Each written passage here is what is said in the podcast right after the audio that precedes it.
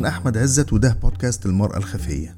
وهي سلسلة حكايات وشهادات حقيقية عن المخفي في حياة المرأة العربية من مصاعب وصراعات وكمان انتصارات.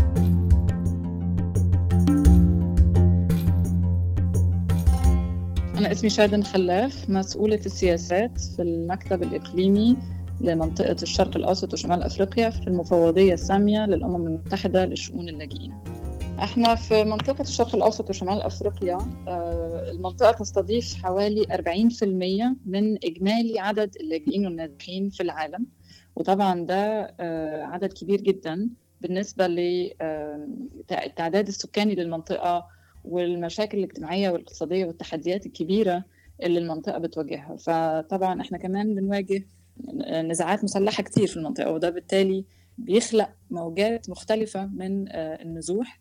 بنشوف إن ده ليه تأثير كبير على آه، المجتمعات العربية ككل لأن برضو آه، لو بصينا كده على المنطقة هنلاقي إن تقريبا كل الدول يا إما بتستضيف لاجئين يا إما اللاجئين بيهربوا من نزاعات مسلحة في هذه الدول يا إما الدول دي بتبقى زي مناطق بيعبروا منها عشان يوصلوا لدول آه، أوروبية أو غيرها في مناطق مختلفة. فكل الدول العربية تقريبا آه، ليها تعامل مع آه، اللجوء واللاجئين والنزوح. هو أي لاجئ الحقيقة بيعاني وبيواجه تحديات كبيرة جدا بشكل يومي أو يعني بصفة يومية.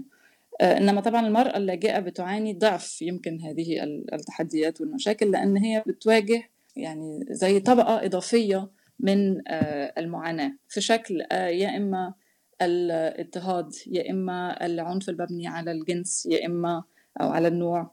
آه، وفي نفس الوقت كمان في كتير من الأوقات بيكون الأب أو الزوج لأي أسرة يا إما مفقود يا إما متوفي أو في بيحارب أو يعني في أو يعني أوضاع كتير بتبقى مش موجود فيها الأب أو الزوج.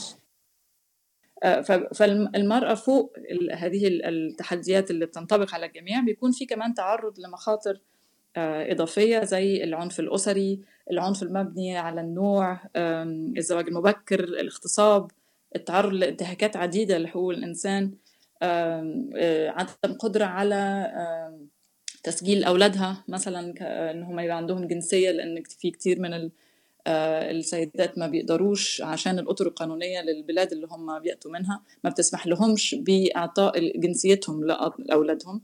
فبالتالي ساعات بينتج على بيخلق عدم جنسية حالات من عدم الجنسية لكثير من الأطفال.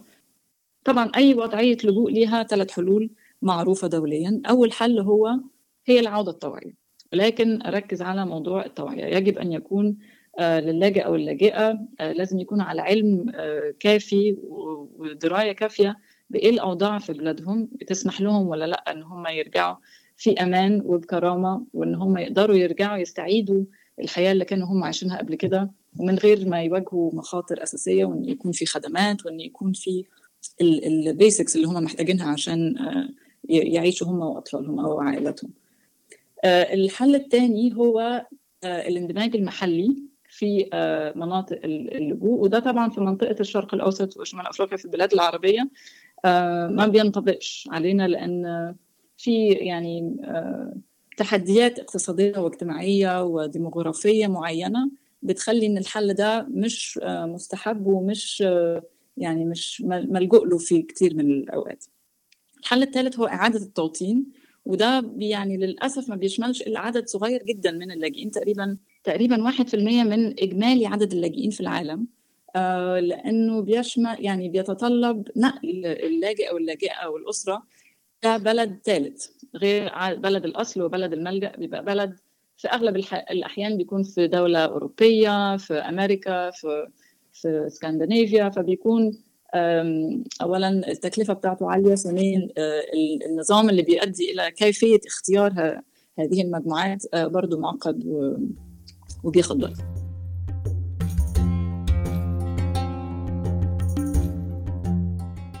آه، أول شيء أنا اسمي مزنة الزهوري. أنا لاجئة بلبنان عمري خمسة وعشرين سنة. لاجئة من حزيران ألفين وثلاثة عشر آه، أنا من مدينة القصير بريف حمص الجنوبي اللي هي حدودية مع لبنان. آه، فأي امرأة بمجتمعاتنا معرضة لانتهاك حقوقها لأنه تتزوج غصب عنها هي قاصر لأنه تنحرم من حقها بالتعليم تنحرم من حقها بالحياة آه، يتم اغتصابها أو التحرش فيها أو كل هدول القصص. ولكن بحالة اللجوء بيصير هذا الشيء مضاعف وكوني أنا لاجئة يعني عم بحكي من تجربتي الشخصية ومن تجربتي مع السيدات اللاجئات إذا بدنا نحكي على صعيد المخيمات أول شيء هي عم بت إذا كانت أم عم بتعيل أسرة بمكان صغير لا يتعدى ثلاثة أمتار أو أربعة أحيانا يعني هذا بيكون كتير كبير إذا أربعة أمتار آه، بيكون في كل الأسرة برقبتها. هدول السيدات كمان بما إنه رجال أو ممنوع كل اللاجئين يشتغلوا بلبنان فبيضطروا سيد كتير من السيدات وخاصة بالبيئة ليطلعوا على الحقول. من قبل طلوع الشمس لبعد طلوع الشمس ليشتغلوا ويأمنوا مردودهم. هذا المردود ما بيتعدى ثلاثة دولار بالنهار يعني خمسة آلاف ليرة لبناني. وكتير من الأحيان بيكون عم بيطلعوا شاويش المخيم ليشتغلوا وبياخد الأجر منه. طبعا هاي المشاهدات أنا يعني شايفتها بعيني وسمعانتها من السيدات. فهون السيدات دورهم عم, بتعاني بالبيت إنه محصورين بغرفة وحدة ما في إلها أريحية مثل مثل أي لاجئ طبعا. آه، اثنين عم عم بيكون في عبء زيادة عليه عم تطلع تشتغل برا وترجع لجوا بعد غياب الشمس لأنه تطبخ تمارس حياتها كأم أو كبنت لتطبخ وتجلي وتعمل كل هاي الأشياء. هاي على صعيد آه، المخيمات. في كتير نسبة سيدات لاجئات هن أرامل أو أزواج المعتقلين هدول إسا آه، بيكون العبء عليهم زيادة. ففرضا في مخيمات اسمها مخيمات الأرامل بيتحكم فيهم أو الجمعية اللي هي مستلمة هذا المخيم أو الشويش اللي مستلمه المخيم. بالطلعة بالفوتي بطريقة اللباس بطريقة الكلام بطريقة الأكل.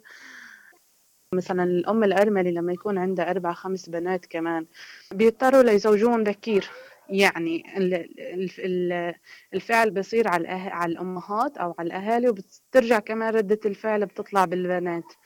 ما في بالأفق حل قريب واضح ولكن في في خيوط بتوصلنا لخريطة مستقبلية قريبة.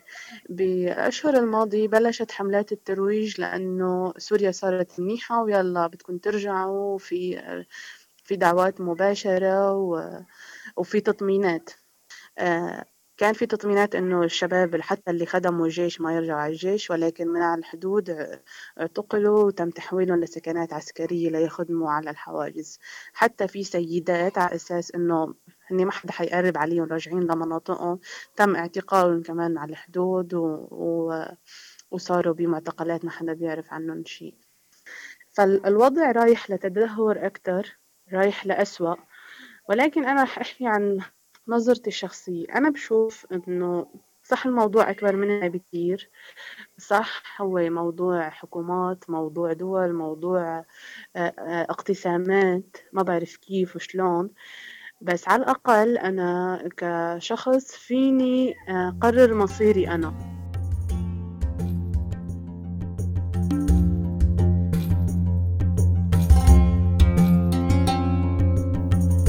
الحلقة دي بدعم من مكتب هيئة الأمم المتحدة للمرأة للدول العربية.